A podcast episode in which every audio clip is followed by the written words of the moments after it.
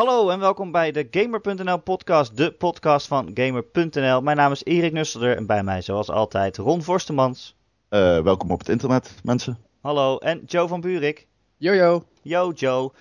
Uh, ja, weer een nieuwe aflevering van de podcast. We gaan het nieuws van de afgelopen week bespreken. Uh, voortaan uh, dus een wekelijkse podcast. Elke keer op maandag kunnen jullie ons uh, hoer weer verwachten.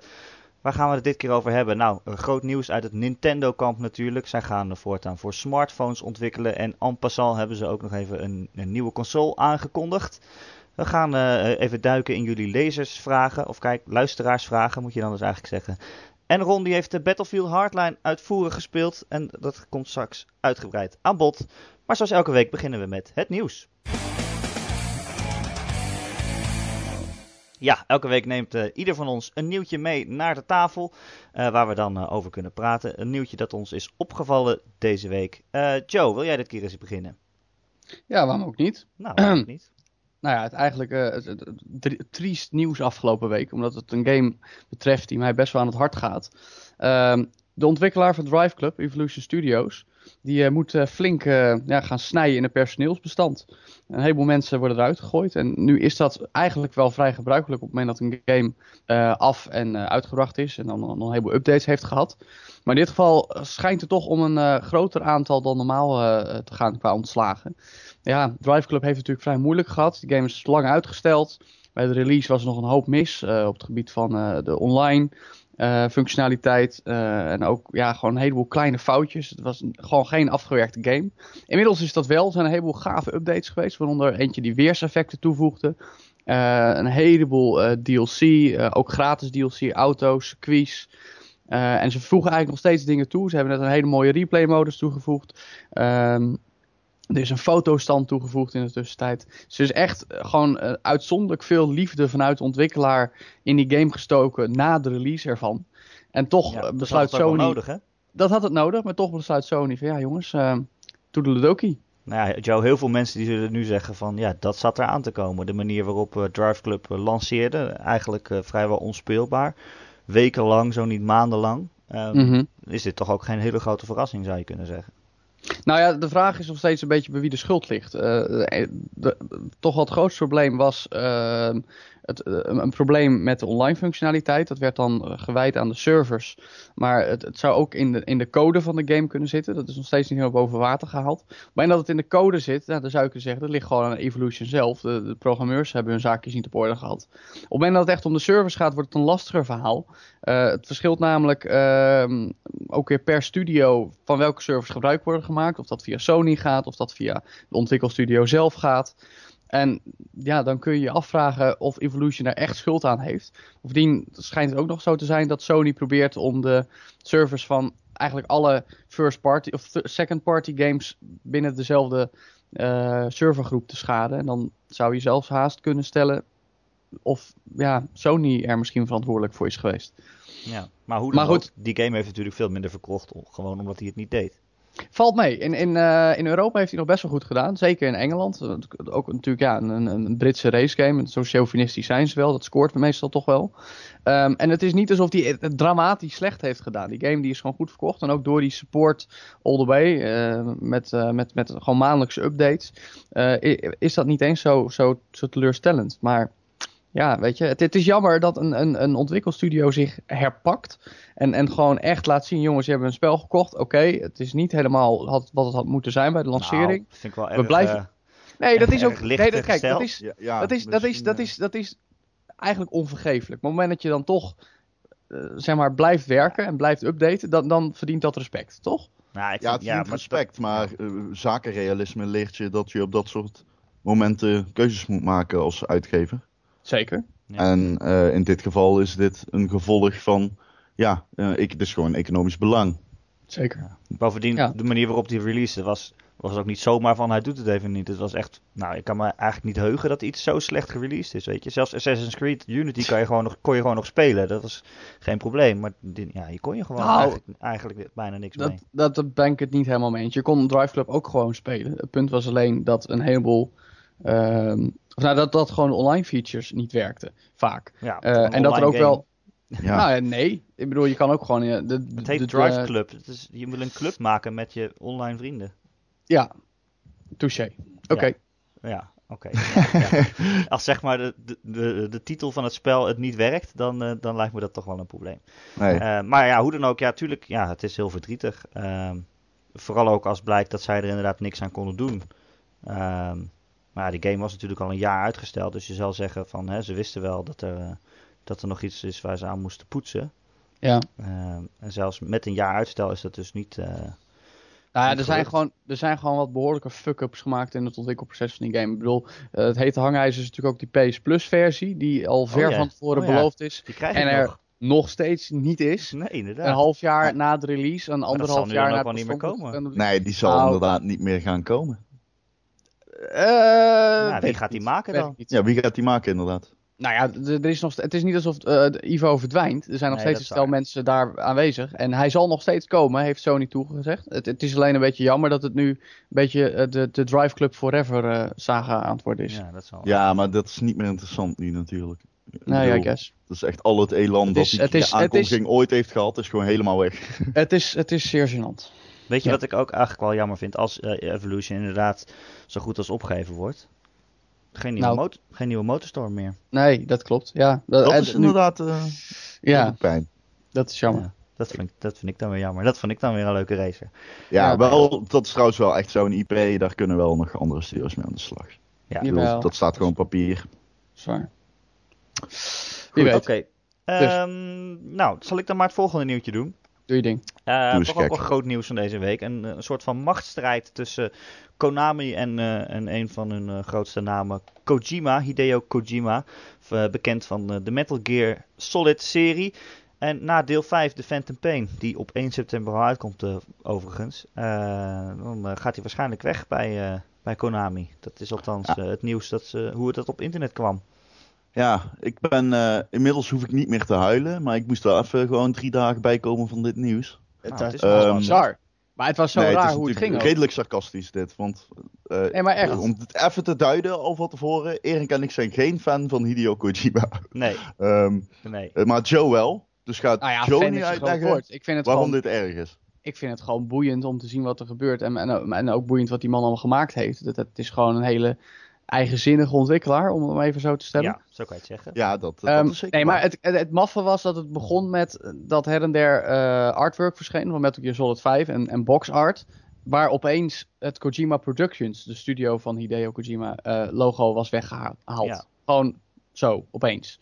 Eh, en vervolgens kwamen mensen erachter en van, goh, wat is aan de hand? En kwamen er eh, eh, tweets naar buiten en berichten dat er, eh, dat er eh, ja, eh, interne problemen waren tussen Ruzie. eh, Kojima Productions. Ja, een ruzie.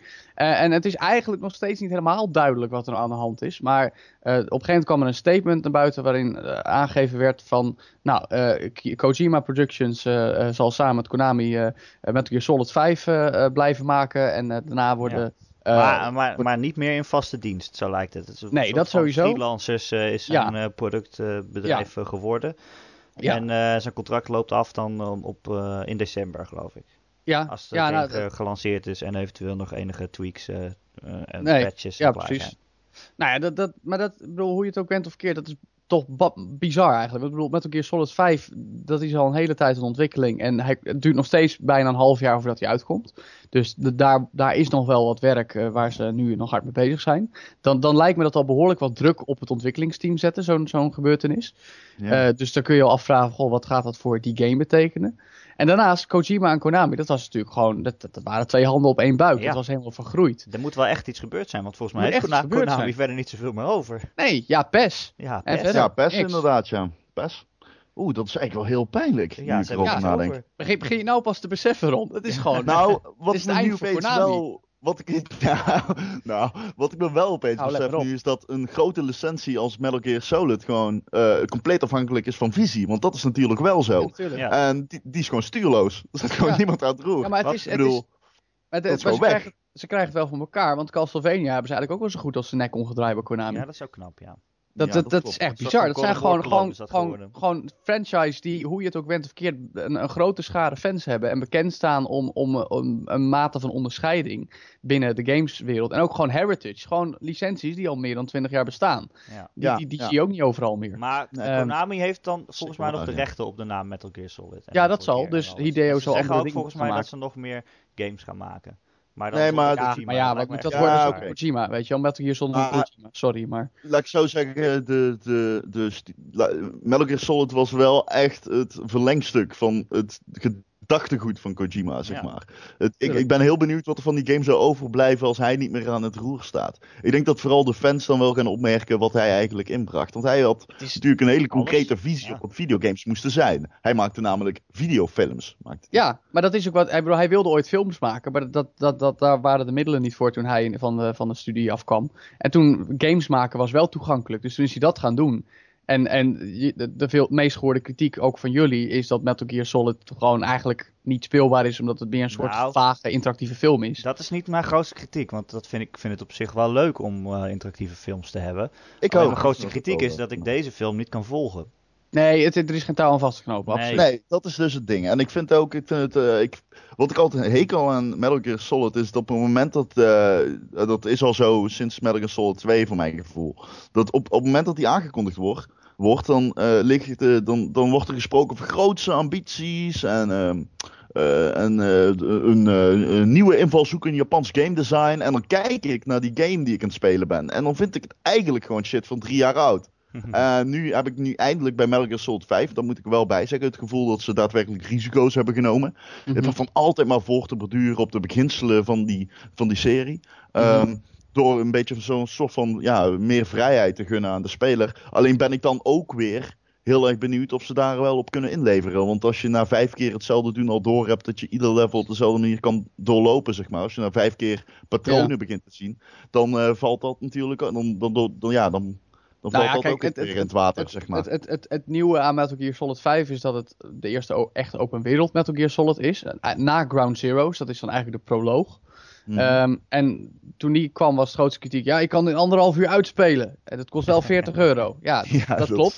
Maar in, in, in die wereld. eh, het is een, een verschrikkelijk cliché. Dat bepaalt zelf hoe je door een level komt. Maar bij Ground Zeroes is dat wel zo goed uitgewerkt. En zijn er letterlijk zoveel verschillende manieren waarop jij op een bepaald punt terecht kon komen. Of dingen kon aanpakken of wat dan ook. Als Ja, dat echt nou het voorproefje voor 5 manieren is. die jij- Ja, maar wat nou als al die manieren die in Ground Zero zitten ook in 5 zitten, maar er zit er geen één, eh, er zit er geen één andere bij.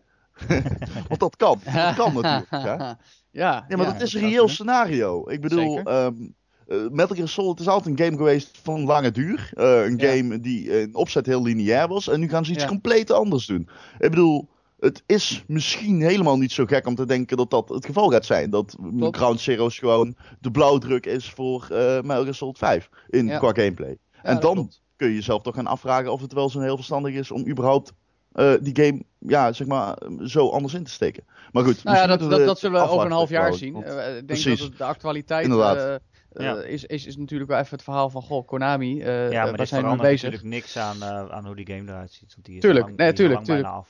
Nou, ik- we hebben nog een half jaartje te gaan, dus ik ben benieuwd of we Ja, daar iets van gaan merken in die game. Het- het- Nee. Vast. Ehm, hoe dan ook, ik denk dat Kojima, eh, die komt wel weer aan de bak daarna. Die gaat Nou, ik gewoon ben wel lekker mooie benieuwd wat dingen hij nu maken. gaat doen. Want hij heeft volgens mij wel vaker gezegd dat hij eigenlijk een beetje klaar was met Metal Gear. En van dit was de laatste en toen ging hij er toch nog, Ja. nog eentje doen. En ehm, ja, voor, voor hem is het misschien ook wel een soort van verlossing dat hij ze niet meer hoeft te Ja. maken. Nou ja, ik denk Ja. eerlijk gezegd dat hij echt wel weer werk vindt. Of hij gaat eh, voor zichzelf beginnen met zijn mensen en, en eh, toffe games maken, al dan niet voor verschillende uitgevers. Of misschien dat hij wel zijn, eh, zijn jeugdroom waar gaat maken en nu een film mag maken. Ik stel me voor dat er best wel iemand in Hollywood bereid is om, eh, om Ja. die kans te geven. Maar dat hij, zou ik heeft, best tof hij vinden. heeft contacten met de filmwereld, want hij was met Guillermo de- del Toro bezig met Silent Hills. Dus ja, Ja. ook maar de vraag wat daarmee dan mee ge- gebeurt eigenlijk. Dat ook nog, ja. Die. PT Het eh, grappig als teaser die, eh, eh, trailer. Oh, of, PT is nog demo. steeds zo eng. Dat is nog steeds zo Ja. eng. Ja, dat kan ik niet eens spelen, joh. Dat is echt. eh, dat is niet Ja, ik vond hem niet eng. Maar dat, Nou, het ergste, heb je hem helemaal mij. doorgespeeld, Ron? eh, ja, het einde, die check die in beeld komt, bedoel je? Of wat bedoel je? Wat? Van PT. Hebben wij het over dezelfde game, Ron? als het goed is wel. Ik denk het niet. Wel. Dus, Hij was heel eng in ieder geval. Tenminste, Ja, hij was heel eng. De sfeer was heel eng. Wat, maar, was heel creepy. Ja, je, je loopt door het huis, dat bedoel je? Ja, ja, loopt door het huis. Ja, op een gegeven moment dan komt die, dat gezicht in beeld. ja dat is fucking- dan... en jij dacht dat je toen uitgespeeld had? Nee, ja, toen ben, dat is gewoon, dat was het engste. Dat is het enige dat me is bijgebleven als zijnde eng. Dan, dan heb jij niet heel veel gespeeld. Nee, dat zou zomaar kunnen. Ik ook niet. Ah, nee, ja, ik denk dat ik dat gewoon niet helemaal, zeg maar, Je hebt het verdrongen. bij is gebleven of zo. Je hebt het Maar ik Nou verdrongen. ja, vond het oprecht hoe niet dan ook. Dus. Hoe, hoe dan ook, het is de vraag wat er met Silent Hills gaat gebeuren nu. En Konami. Konami eh, gaat echt een groot probleem hebben. En Konami die gaat alles, eh, alle ballen op eh PES, hè? Ja. Pro Evo Soccer. Maar goed, Dus. oké. eh, Ron, je had ook nog nieuws. Ehm, ja, een, eh, een van mijn favoriete games, zeker licenties, maar ook gewoon games. Call of Duty 3 krijgt een remaster. Ehm, hij verschijnt Oh, op God. 15 juli voor de PlayStation 4. En inderdaad, wat jij nu doet, eh, oh god, ja. Ehm, Ja, oh god of war. Haha. ja, ja, ja, dat, dat- natuurlijk. Ja. Hoe meta is Erik? Eh, Maar ehm, het, eh, ja, er, wordt ook grappen gemaakt van, oké, weer een remaster, eh, re-PlayStation 4. Ehm, die had ik nog Oh niet gehoord. Die is wel ja, ik, kijk, wat, wat, ik, eh, wat ik wel eh, waardeer eigenlijk aan God of War is gewoon de super rauwe actie. En het, er is niet echt een gelijke, vind ik, aan God of War. Dus in die zin kan ik het super waarderen dat God of War 3 van een van mijn favoriete, waarschijnlijk mijn favoriete deel in de serie. Heel veel mensen vinden het twee tofste, ik vind drie tofste. Ehm, ja, Wat is er leuk aan God of War? Oh, is dat nou echt een vraag? Is dit Ja. Nee, maar serieus? serieus. Vraag. Ik, heb, ik, heb, ik heb het wel. Ik heb de allereerste een beetje gespeeld. En soms Ja. mondjesmaat wel eens een paar andere. En ik, ik, ik zie wel, het ziet er bruut uit en over de top en tof. Maar wat is nou echt tof aan God of War? Nou, laat ik eerst. Ik ga eerst even uitleggen. Deze game eh, komt 60 fps, eh 1080p eh overgeheveld. Oh, doe niet zo Ehm, marketing speak. En een foto nee, maar het zegt is natuurlijk makkelijk. En dan komt Zodat iedereen op. Facebook en Twitter screenshots gaat zetten en zeggen Het hoe mooi het wel niet is. Het is natuurlijk heel erg makkelijk om te testen. eh, eh, dat zegt ook iemand in de comments volgens mij. Van hoe succesvol God of War gaat zijn. hè. wat voor, is de, heeft dit IP toekomst op de PlayStation 4? Ja, natuurlijk heeft het toekomst. Ja. Eh, dus ehm, ja, het is logisch dat die remaster eraan komt. Het is gewoon een goede game. Dus waarom zou je hem niet Nou eh, ja, vind het eh, logisch, zeg jij. Ik had het logischer gevonden als Ascension. God of War Ascension. Nee, nee, nee. Dat was echt een mindere game hoor, Erik. Ja, dat is ook zo, maar dat was wel de nieuwste. Ja, maar God of War best- is echt al best wel, echt wel oud eigenlijk. Ja, maar het is ergens ook wel een beetje raar misschien om met het, eh, het- een prequel te beginnen. Of leg je zeg, nou, misschien... Ik had liever, eh, eerlijk gezegd, een God of War collection gehad. Met alle vier. Ja. Dat een collection. vind had ik- ik logischer gevonden. ja, maar als Halo het kan, waarom zou God of War dat niet kunnen? En dan Nee, weet oké, hoe duur dat het spel gaat worden, maar dan. Dat is waar. Maar oké, dan, dan Joe's een vraag. Ja. Eh, waarom is God of War leuk? Eh, omdat ik eh Zeus zijn hoofd in kan slaan een half uur lang. Dat is leuk aan God of War. Ja, Nee, of gewoon hersenloze, ja. hersenloze actie vermaken. En, En ja, ik bedoel, vind het ook heel leuk. de, de intro van God of War 3, dat je ehm volgens mij tegen Poseidon moet vechten als ik het goed heb. Zou kunnen. Eh, dat is zo episch. De, dan is meteen de toon al gezet. En die game heeft best wel wat diepgang. Het blijft natuurlijk wel, wel simpele hack slash. Maar het heeft best nog verrassend veel diepgang. Omdat je, je kunt je, je, je zwaarden upgraden. En je krijgt steeds weer nieuwe zwaarden. Eh, En je hebt dan situaties waarin het ene zwaard beter van pas komt dan het andere zwaard. Ja. Ehm, het is niet zo is simpel als het lijkt, zeg maar. Nee, dat is alleen de combat. Maar het is omdat je zoveel tegenstanders hebt die je op zo'n brute wijze kan afmaken en zo. Die, die afwisseling loodst je echt door de game heen. Je bent steeds benieuwd van, oké, wie kan ik nu weer op brute wijze door midden slachten en eh, gewoon een afgrond in tieven, weet je wel. Het is echt een hele extreem brute game. En Ja, dat alleen blauwdruk al- gezet voor dat soort games. Hè. Dat was echt een van de eerste Nou, die ik in denk, dat ik, genre ik, ik, ja, ik, nou, ik eh, ga er wel een mee soort van dat het, dat het- imperfect uitvoerde. Nou, ik ga er wel mee dat God of War het, het hack and slash genre een eh, impuls heeft gegeven. Want het was natuurlijk een beetje een stereotypisch, vooral Japanse aangelegenheid. Met eh, je rent een veld in en je maait 200 vijanden neer. Bij God of War is, is het dynamischer geworden en heeft meer elementen gekregen. En dat is wel, dat is tof. Ehm, mijn probleem met God of War is nog dat, ehm, ja, ehm, ik, ik vind dat de materie altijd een beetje raar behandeld wordt. ik ben dan zo'n zo'n semi-snop die ooit gymnasium Ach. heeft gedaan en daar de Griekse mythologie heeft geleerd. En ik vond dat altijd super tof. En dan speel ik zo'n game of God of War en dan zie ik hoe het, hoe het goden en hel- helden en namen ervan gebruikt. En dan kijk ik hoofdschuddend van, jongens, het, het, het, het doet helemaal geen eer aan, aan, de, aan de bronmaterie. Maar dan ja, ben, maar ik, ben ik focus waarschijnlijk... je niet op hetgene wat belangrijk is. En bovendien vind ik het ook Nee, een dat beetje... snap ik. Het is een game, het is fictie. Je gaat ook niet tegen Call of Duty zeggen van... Ja, er was niet één supersoldaat die eh, je alle, alle Duitsers neer... Er waren geen zombie-soldaten in Berlijn. Nee, die waren er helemaal niet. Dat ga je toch Nee, dat zeggen. is ook waar. Dat een is beetje ook flauw. waar. Maar toch, ik vind het, ik weet niet. Ik, ik, ik, ik zou gewoon wel eens een keer mythologie game willen spelen die ook echt eer doet aan, eh, aan, aan, die, aan, die, aan die bron. Ja, maar dan doe je dus geen eer aan, de, aan het super brute universum van God of War. Wat anders nooit zo bruut had kunnen zijn. Want de Griekse oudheid is wat dat betreft gewoon het perfecte scenario voor Kratos om eh, ja, eh, hè, Te schreeuwen. ja, te schreeuwen en mensen door midden te hakken. En Ron, ik bedoel, als, als iemand zou zeggen dat je uit Amerika kwam, zou ik het nu geloven. nee, maar dat is wat Kratos doet. Dat is zijn ding. Mensen door midden te hakken. Af en toe is dat toch ook lekker. Maar eh, Ron, ik denk ook niet dat de vraag is of God of War een goede game is. Maar of we op weer een remaster zitten te wachten. Ja, kijk, ik denk gewoon dat je moet inzien dat, re- dat games maken nu heel erg duur is. En als jij een licentie hebt als God of War, waarvan jij hem vroeger of later sowieso naar de PlayStation 4 gaat hevelen. eh, want we weten natuurlijk dat Kratos het einde van God of War 3, dat speelde daar al mee. Ehm, maar je kunt jezelf. Je moet jezelf wel beseffen dat het gewoon te duur is om die investering meteen te doen. En misschien wil Sony hiermee wel een beetje peilen van oké, hoe erg leeft Call of War 3? Of eh, hoe erg leeft deze licentie op ons nieuwe platform? Ehm, plus, het is gewoon een hele goedkope manier om een goede game, die gegarandeerd is van enkele sales, naar je nieuwe platform te brengen. Ja. Ik denk Dus je met- gaat daarom gewoon meer remasters zien dan vorig jaar. Of dan Volgens bij de mij- vorige. Volgens mij verkopen ze ook nog best wel goed die remasters. En het is ook zo dat mensen Mhm. klagen erover van oh weer een remaster. Totdat er een game komt die zij nog graag wilden spelen en gemist hebben. Die geremasterd wordt. En dan is het ineens geen probleem.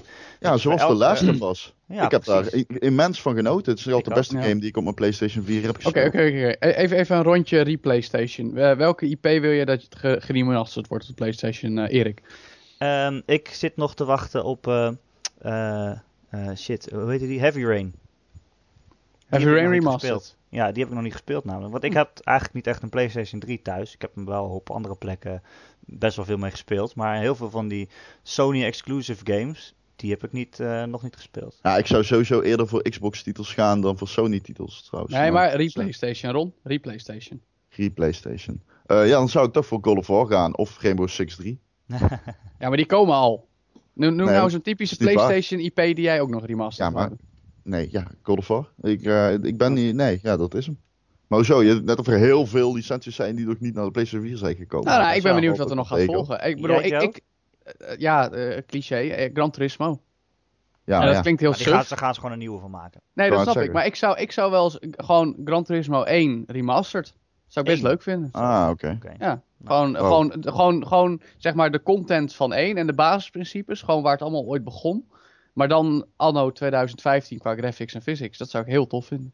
Want toen was het ook nog meer een, een, een RPG-achtig iets. Dan begon je echt met een, een tweedehands oude Honda Civic. En die moest je dan de, eh, een, een nieuwe uitlaat onderzetten. En dan met moeite kon je races winnen, weet je wel. Dat was nog echt een, Ja, ja. een CarPG. En, en En je rijbewijs halen en zo. Juist, dat was wel dat echt, soort eh, cool om te doen. Ja, ja, ja, klopt. Dus, ja. Oké, eh, tot zover het nieuws. We gaan straks nog eh luisteraarsvragen beantwoorden. En we gaan het hebben over Battlefield Hardline. Maar we gaan eerst naar Nintendo.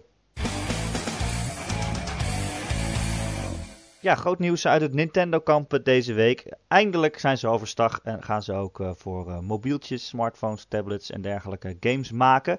En passant werd er ook nog even een nieuwe console aangekondigd. Maar laten we beginnen bij het eerste. Nintendo gaat eindelijk mobiel. Joe, als grote Nintendo-man, wat vind je ervan? Eh, het werd tijd.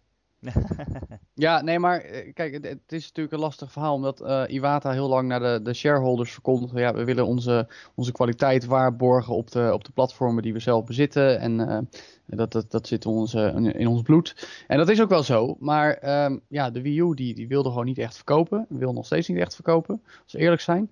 3DS doet het, doet het gewoon prima. Ehm, maar om, om toch mee te gaan met het, met het heden. En eh, ook eh, op de lange termijn, waarop je ziet dat, dat steeds meer software op meer platformen beschikbaar is. Ik bedoel, games die je en op Facebook en op je eh, iPhone en op je Android-toestellen kan spelen. En, en Nintendo gaat daarin mee. In, in die zin, nou, games voor smartphones. Ehm, ik denk dat de vraag vooral nu- is. Jij zegt Ja. nu van, eh, ze, ze moesten wel naar, naar mobiel, want de Wii U en de 3DS verkopen niet. Net alsof dat zo'n beetje zo, dat consoles niet meer verkopen. Maar Nee, nee, nee, nee, de nee maar dat is Playstation en de Xbox, die Tuurlijk. doen het hartstikke Nou, goed. het- Dus het nou, is maar meer daar een gaat het niet kwestie van Ja, niet veranderende tijden, maar Precies. gewoon dat Nintendo een beetje kut is. bovendien Nee, maar, dat dat- nee, maar ik, zeg niet, ik zeg niet dat spelcomputers niet verkopen. Ik zeg dat de Wii U slecht verkoopt. Ja. En dat is, Nee, maar- dat, is, dat is het punt. Dus, maar jij, Daarmee- jij, jij, jij geeft aan alsof Nintendo met zijn tijd meegaat. Maar het is volgens mij meer dat Nintendo een beetje wanhopig is. Nee, dat denk ik Precies, niet. Nintendo, Nee. dat is het dus. Nee, want dat is het wel. Nintendo grijpt naar middelen om hun eh, IP's te verkopen, andere middelen. Nee, laat ik Ehm, zo zeggen. Ook die, de, eh, ik ga gelijk even een bruggetje maken naar die nieuwe console die je net ma- eh, noemde, Erik. En Dat- De NX inderdaad. En, en dat, dat staat zelf dan getiteld als een new hardware with a brand new concept. Laat ik het zo zeggen, ehm, Nintendo die zal niet weer een console zoals de, de Wii U gaan maken. Maar eerder een, een, ja, denk ik, een, een, een soort hybride tussen een 3DS en een smartphone. Ehm, of die dan ook functies krijgt als, als bellen en internet en dergelijke, dat weet ik niet. Maar in ieder geval een platform eh, waarop jij games kan uitbrengen. Dat ook, eh, en, en, en die games zijn dan ook op andere platforms te spelen. Eh, dus, dus eigenlijk de filosofie van, een, van Android, dat gewoon op meerdere toestellen te, draait. Ja, maar dan ook Mhm. iets En- wat je dan ook op je tv kan spelen? Of? Ja, nou ja, en het, misschien dat het scaled. Dat je het misschien op je tv kan spelen op, op 1080p en op je, op je, op je draagbare device niet. Eh, een voorbeeld daarvan wat ze eigenlijk al gedaan hebben is Smash Brothers. Dat is eh, een, een, een, game die identiek is, behalve een, een deel van de content eh, en de visuele presentatie. Op de 3DS en op de Wii U zag je gewoon dat er verschillen waren in resolutie. En, maar dat bijvoorbeeld het was allebei 60 fps en ook dezelfde character models. Nou, ik denk dat ze die kant mee opgaan. Eh, games maken die gewoon op meerdere systemen draaien, maar dan om- om- in verschillende eh, visuele specificaties. Ja. En dat ga je dan ook op de, op de smartphones krijgen, denk ik. Maar dat is nog maar een Weet deel je- van het verhaal. Ik, ehm, precies, dat is maar een deel van het verhaal. Wat, maar ik wil nog wel even. Denk, eh, jij zegt, ehm, ik denk dat de NX een combi wordt dus tussen mobile en gaming. Ehm, Mhm. Ik vraag me wel eens af, hè, is dat niet heel erg oosters? Want ik zie zo'n concept veel eerder daar in Japan slagen dan Ja. hier in Europa en in de VS. En ik zou je leggen waarom. Dat ik het gevoel heb dat eh, telefoons hier op een hele andere manier worden gebruikt dan in Japan. Als ik Ja. kijk naar de games die Japanners spelen op een telefoon, die zijn tamelijk hardcore.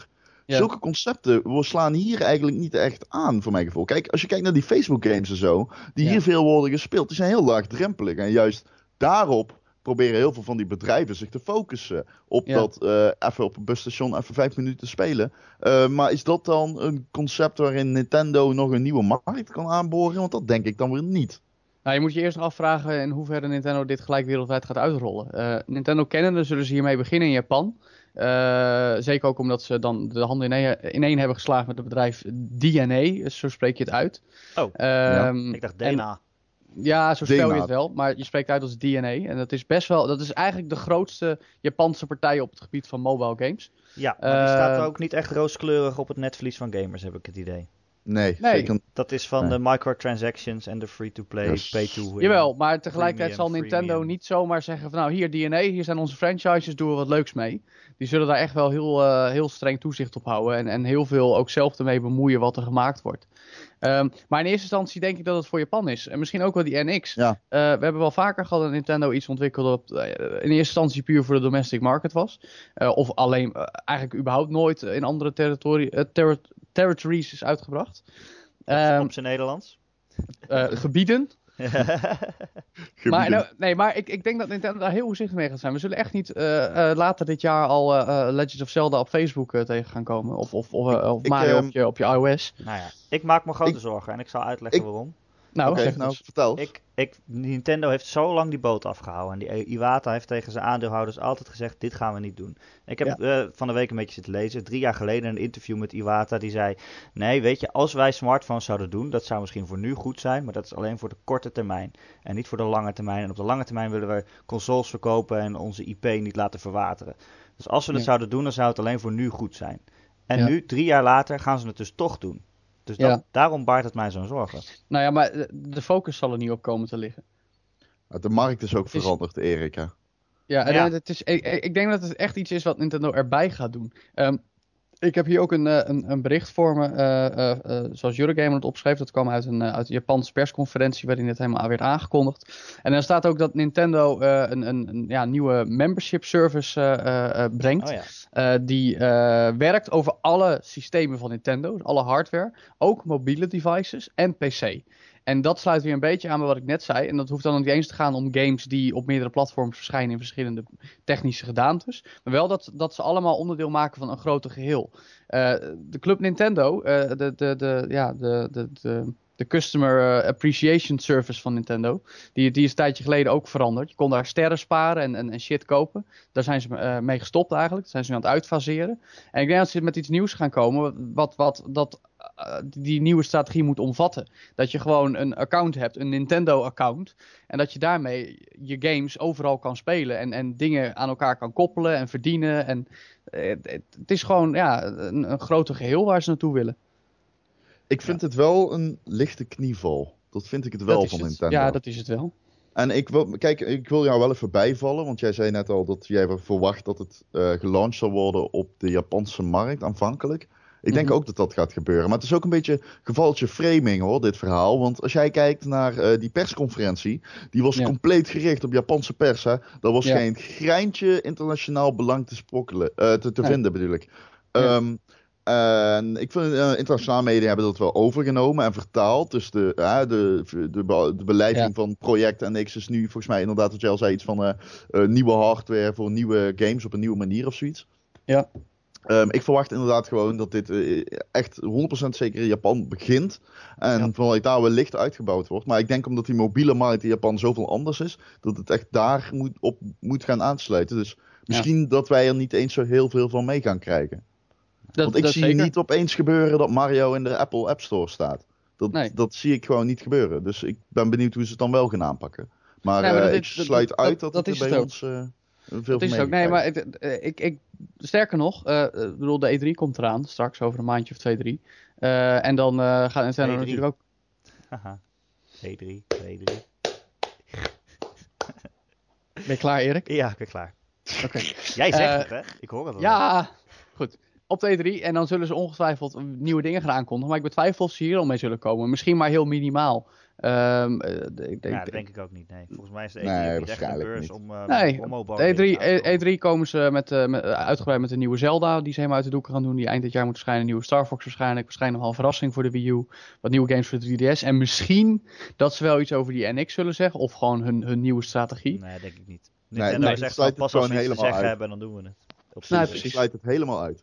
Ja. ja. maar dat is ook, kijk, weet je, dit is in Japan is dit groot aangekondigd, wat Ron zei. En, en dat, was, uh, dat was voor Japanse pers. En natuurlijk wordt dat meegenomen in de berichtgeving in het Westen. Maar uh, het, het, is in eerste instantie voor de Japanse markt. En, en Nintendo zal vanzelf al een vertaalslag maken en heel goed kijken uh, voor ze iets in Amerika en Europa uitbrengen van deze orde.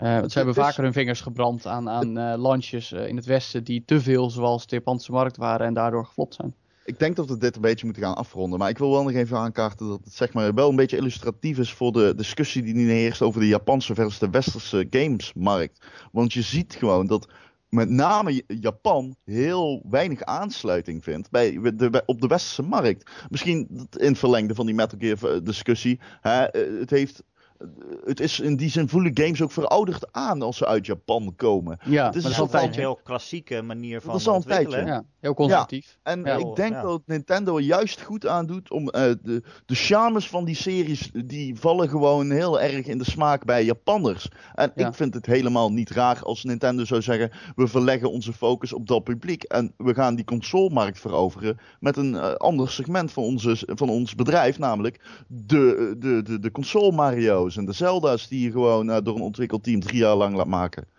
Ik denk dat daar voor Nintendo gewoon eh, dat contrast moet misschien duidelijker zijn. Maar ja, dat is voor ons natuurlijk makkelijk om te zeggen. Maar wij hoeven nou, niks uit te leggen aan aandeelhouders. Dus dat scheelt. Ik, ik, sowieso, de, de, de Japanse uh, game-industrie, dat is zelfs denk ik nog iets door te trekken. Ik bedoel, ik volg ook de auto's. En als ik kijk naar de Japanse auto-industrie, dan waren die ook... In de jaren negentig liep die voorop. Die, die, de merken uit Japan die hadden de beste auto's en ook voor de, de, de, zeg maar meest value for money. Dat is nu weer helemaal anders. Uh, de Japanse merken hebben de afgelopen tien jaar juist heel zwaar gehad op die markt. En nu krabbelen ze weer een beetje op. En dat lijkt een beetje een parallel met, met, met de gameswereld. Ik bedoel, Nintendo heeft dat, maar ook nou, Sony is dan wat internationaler en ook, ook, doet ook een hoop in Amerika en Europa. Maar ook Konami, Capcom is hard onderuit gaan. Sega is eigenlijk, heeft zich een paar weken geleden helemaal teruggetrokken uit de consolemarkt. Gaat alleen nog maar mobile doen.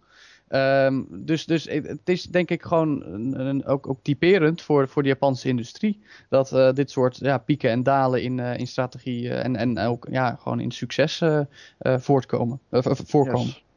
Ja. Yes. Oké, okay, ja, Ron zei het al, we moeten inderdaad een beetje afronden, anders kunnen we er wel dagen over praten. Um, maar goed, het wordt, het wordt in ieder geval interessant om te zien wat Nintendo gaat doen en of wij er inderdaad ook wat van gaan merken of dat het alleen daar in Japan blijft. Ja, we willen natuurlijk ook graag altijd jullie input uh, horen. En uh, af en toe krijgen we wel eens vragen binnen. En dan is het wel zo netjes als we die ook uh, behandelen. Vergeet niet, vragen kun je gewoon achterlaten onder het bericht waar je deze podcast hebt gevonden.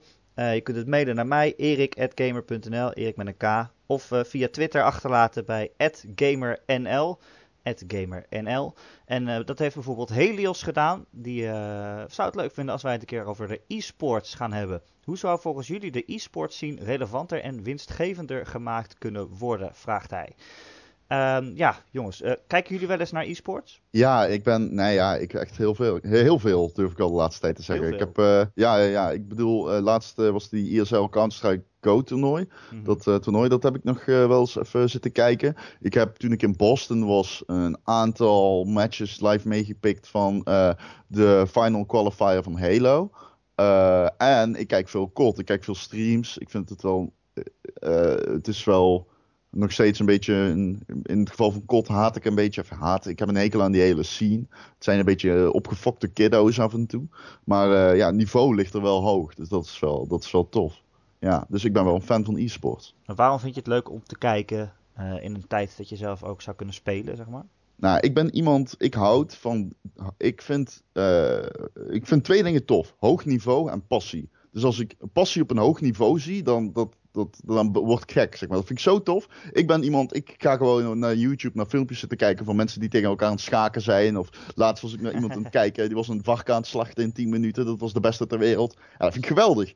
Um, ik, maar dat niveau kan ik heel erg waarderen. En als je kijkt naar op dat op dit moment de game is waar het niveau het hoogste ligt, dan is dat gek genoeg uh, uh, op de console is dat ja, trouwens helemaal niet gek genoeg. Het is eigenlijk best logisch. Is dat gewoon Call of Duty? Want die game wordt het meeste gespeeld. Ja. Die uh, appealt heel erg naar een jong publiek. En daar is natuurlijk veel talent.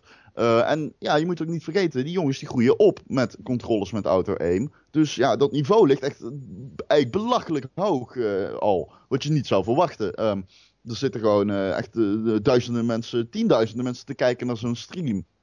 Ja. Dus dat, dat, dat vind ik tof eraan. Dat het niveau zo hoog ligt. En je kan echt matches zien op, op een manier die jij ze nooit, waarop jij ze nooit kan ervaren vanuit je huiskamertje met je controllertje in je hand. Ja. Joe, jij, kijk jij wel eens? Uh, te weinig. De, de, grap is dat ik eigenlijk een beetje overrompeld ben door Rons vurige betoog van zojuist. Want ik dacht ook van ja, god, weet je, mensen games zien spelen. Haha. dat, uh, en, en ja, ik ben niet van de, van de livestreams kijken eigenlijk, en, en, uh, of let's plays. Maar ik, ik ben het wel met Ron eens dat als je iemand ziet spelen die het en heel tof vindt en heel goed is, dat het vaak al heel, heel gauw leuker wordt. Ja. Um, ik moet zeggen, ik ben geen, absoluut geen diehard fight, fighter of zo. Maar ik vind uh, Evo, de, de jaarlijkse vecht game toernooi, altijd wel tof om te zien. Oh ja, ja. Um, ik, nou, ik ben zelf relatief fanatiek in, in, in Smash Brothers. Niet zo hardcore, maar af en toe zie je daar eens wat van langskomen of lees je ja. wel eens wat over. Dat vind ik ook heel tof. Ik vind het, ja. de, ik vind, er zitten echt een paar jankers hoor in de Smash Brothers scene. Mensen die vinden dat het allemaal kut werd na Smash Brothers Melee op de Gamecube. Of die, uh, die andere uh, Smash Brothers games op de Wii of de Wii U gaan, gaan modden om te zorgen dat het beter bij hun wensen past. Ik snap het wel, maar ik vind het een beetje gezeur.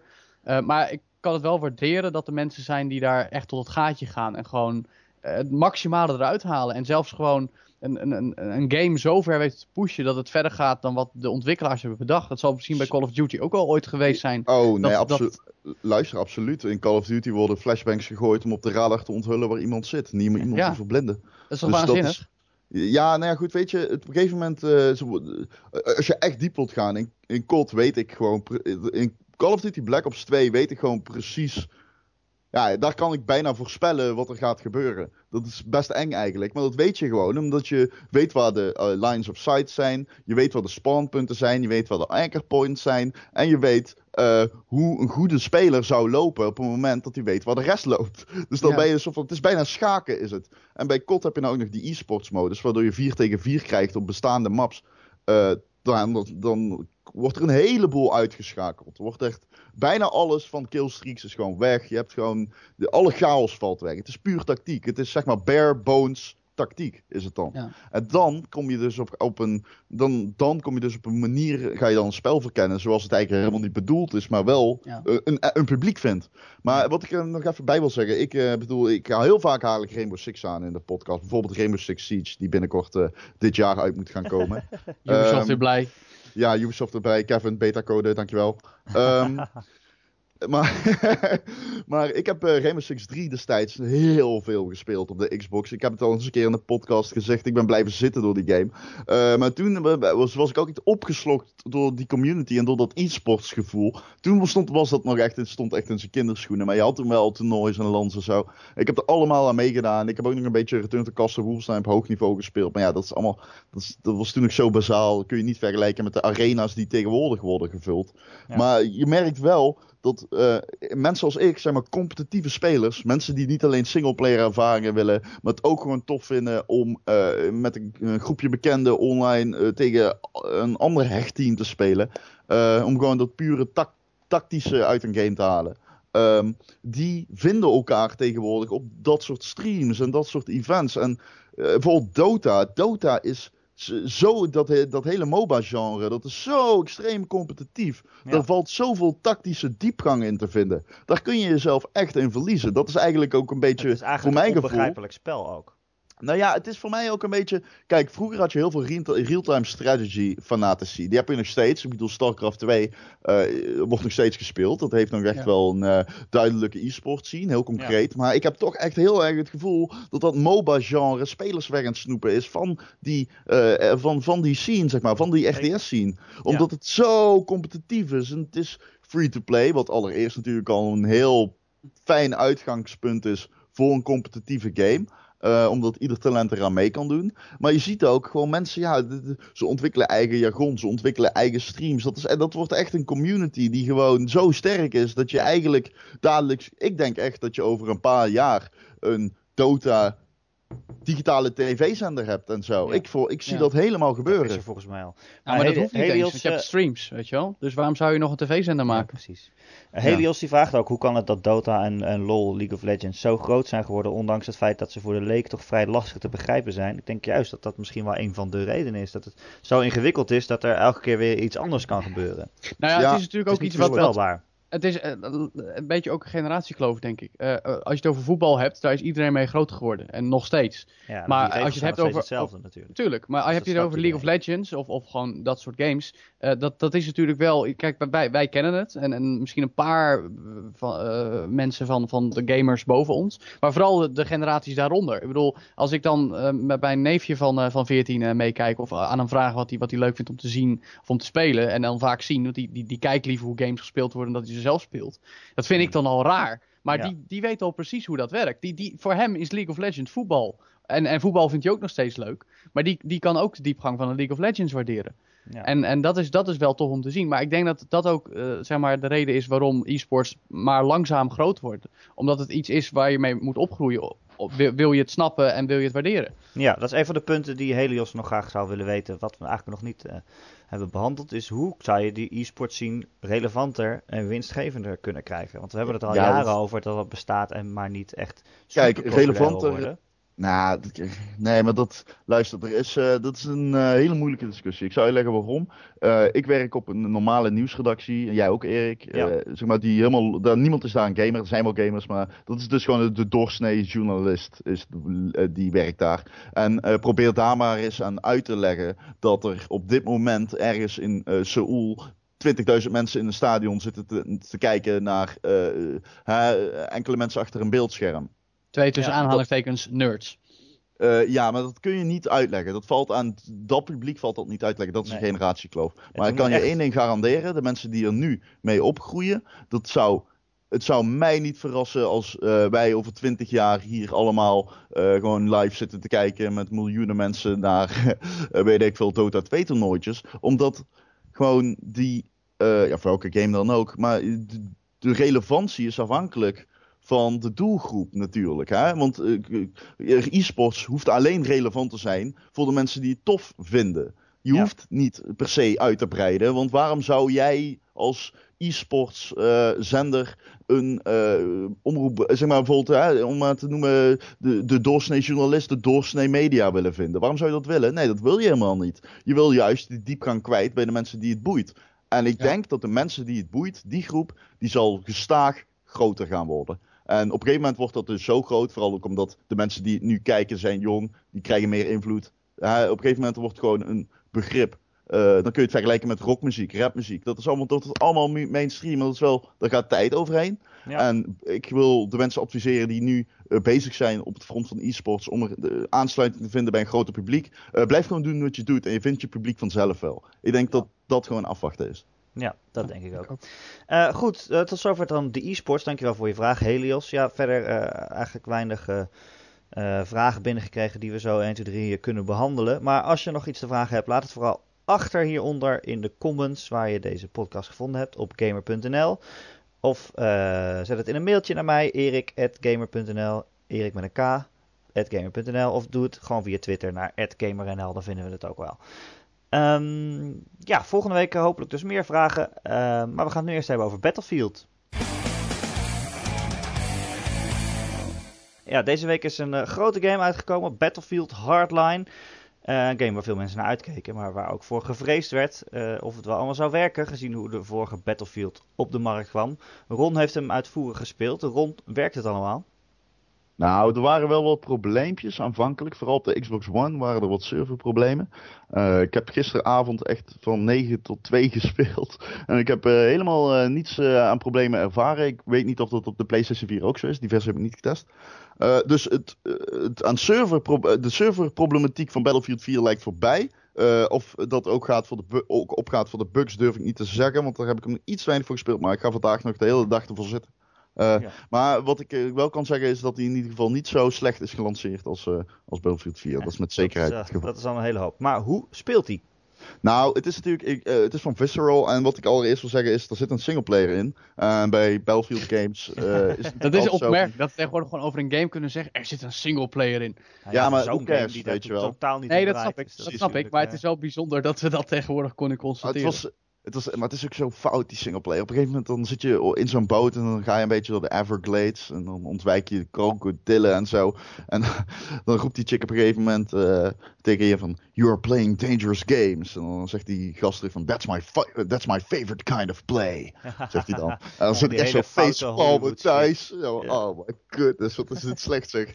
Maar in ieder geval, uh, het is wel grappig vind ik, die singleplayer verder. Het is, uh, ik vind het veel beter dan die van Battlefield 4. En ik vind het ook wel tof dat je in het laatste level uh, met die zipline en die grappelhoek, dat is echt het alle, dat is op een eiland, het hele eiland is belegerd. En ik heb het gewoon uitgespeeld door maar één kill te maken. Dankzij het zipline en een grappelhoek. Ik ben gewoon overal zo overheen gegaan. Dat vond ik heel grappig. Dus ja, af en toe heb je nog wel die vrijheid die je dan in games zoals COD niet hebt. Verder is het gewoon een absolute COD-clone.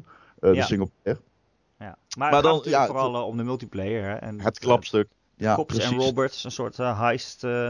Ja, het is een beetje van, um, moet je het, kijk, heel veel mensen waren in het begin heel kritisch over Hardline en uh, wilde, die, die, die, die stelde min of meer dat het een, een skin was voor Battlefield 4 of dat het een soort van DLC was. Ja, dat vind ik wel, vind ik te kort door de bocht. Um, ik moet zeggen, het, ik snap het wel. Als je Battlefield 4 gespeeld hebt, snap ik het wel. Maar je moet er misschien niet naar kijken als een Cops en Robbers game. Je moet het zien als een kleinschalige versie van Battlefield 4. En uh, als je het zo, kijk, in Counter-Strike zie je ook niet als een uh, antiterrorisme spel, weet je wel. Zo moet je het niet zien. Het is gewoon een, uh, een kleinschalige Battlefield 4. En dat doet het echt heel goed. Ik zou je zeggen, ik heb er veel meer plezier mee dan met Battlefield 4. Ik vind het echt, ik vind hem leuker gewoon. Um, en uh, je, hebt, je hebt echt toffe maps. Je hebt echt toffe modi. Waarvan er eentje heel veel potentie heeft. Hij heet Hotline. En het is eigenlijk gewoon Conquest Alleen dan met, in plaats van de conquest bestaat dan uit een heleboel vlaggen verspreid over een level. En die moet je innemen en dan krijg je punten. Zo van King of the Hill. Nou, in Hotline, of Hotwire, sorry, het heet Hotwire, zijn al die punten auto's. En moet je dus in rond blijven rijden.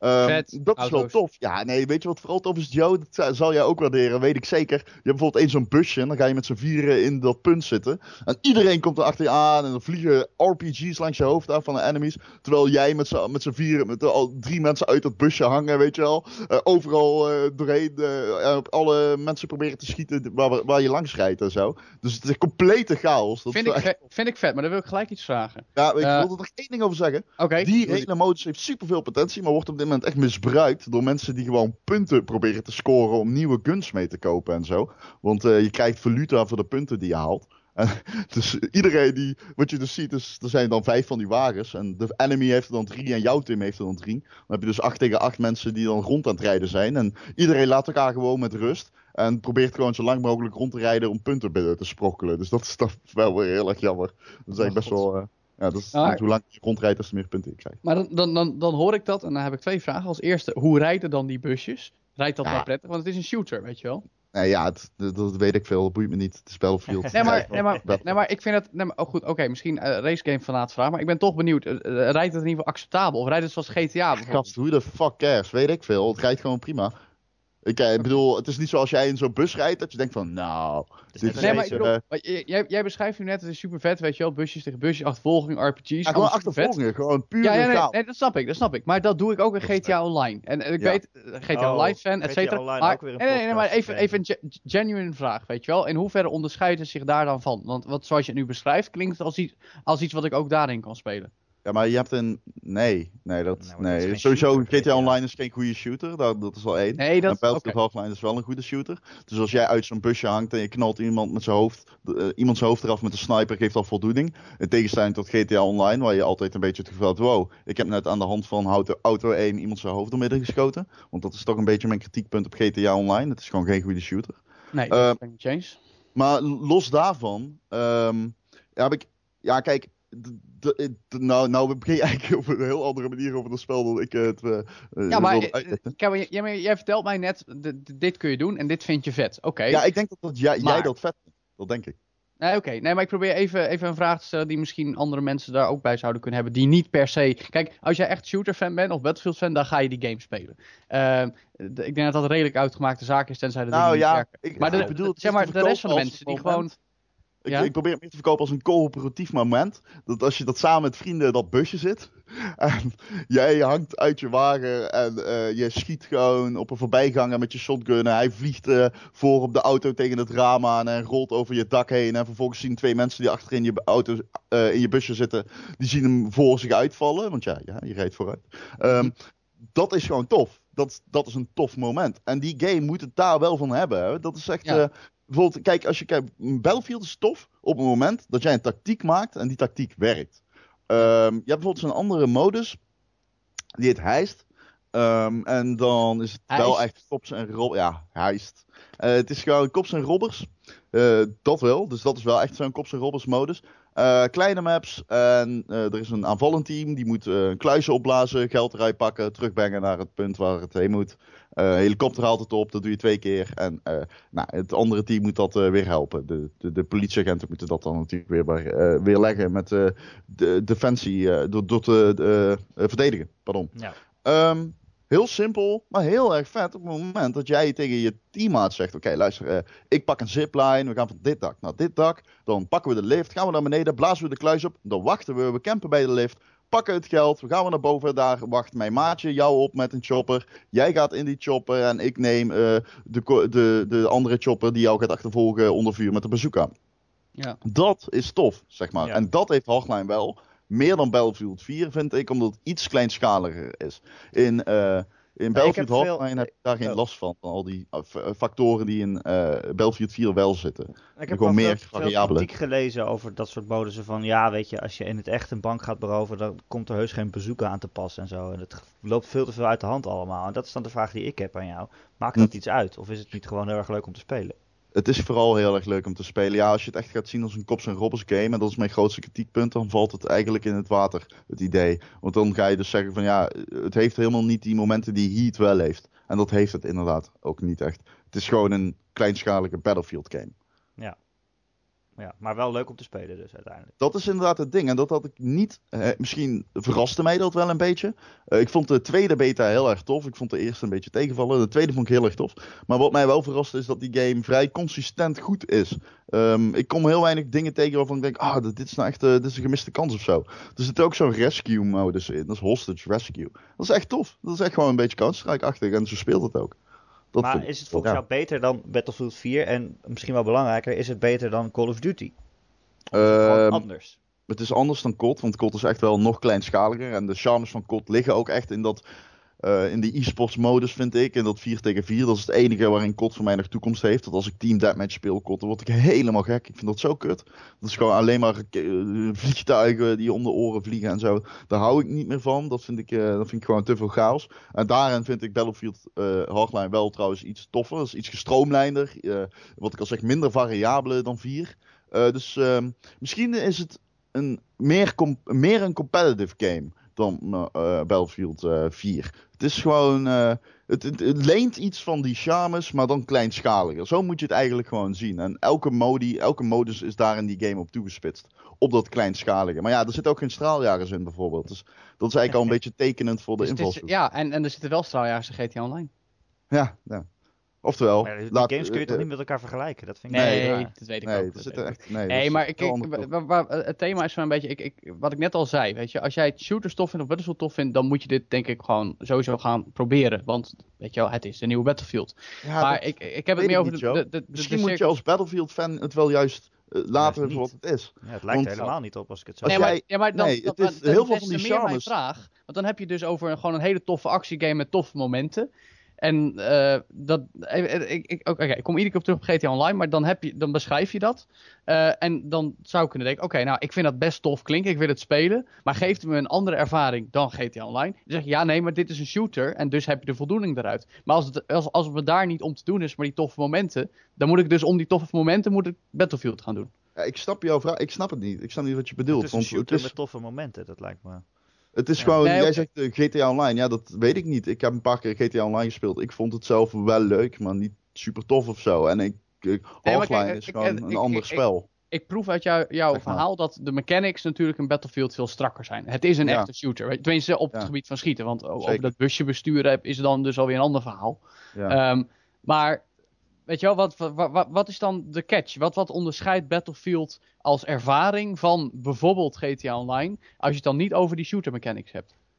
Wow, ik vind dat. eh, ja, dat vind ik bijna een onmogelijk. Ik, ik, ik, ik bedoel, wat onderscheidt het van GTA Online? Ja. Ik Nee, maar gewoon van zeggen- actiegames. Ik bedoel, je hebt het over toffe momenten. Dat, dat, Ja. dat klinkt tof. Nou ja, dat is een. Nee, maar toffe momenten was echt serieus om het aan jou te verkopen. Dat is gewoon een, een haakje, zoals we dat dan Ja, noemen. oké. Ja, ja, ja. ja. Eh, Oké, dat snap ik.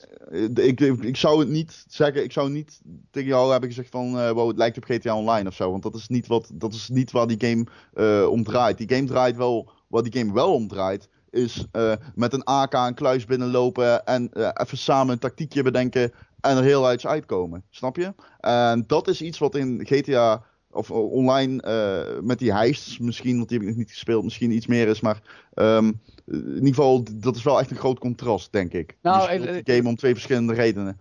Vraag aan jou dan. In Battlefield kun je die tactiek dus ook echt zelf uitstippelen, zal ik maar zeggen. Ja, ja, ja, wat dat betreft is een van de grootste charmes van Battlefield nog altijd gewoon wat ik net al zeg. Het bedenken van tactieken en eh, bijvoorbeeld, hè, ik kan me nog herinneren in Battlefield 1942 vond ik het fucking gaaf om een jeep te pakken, vol te gooien met C4 en gewoon de vijandelijke basis in te rijden, eruit te springen en die C4 eh, af te laten gaan en gewoon zo kills te maken.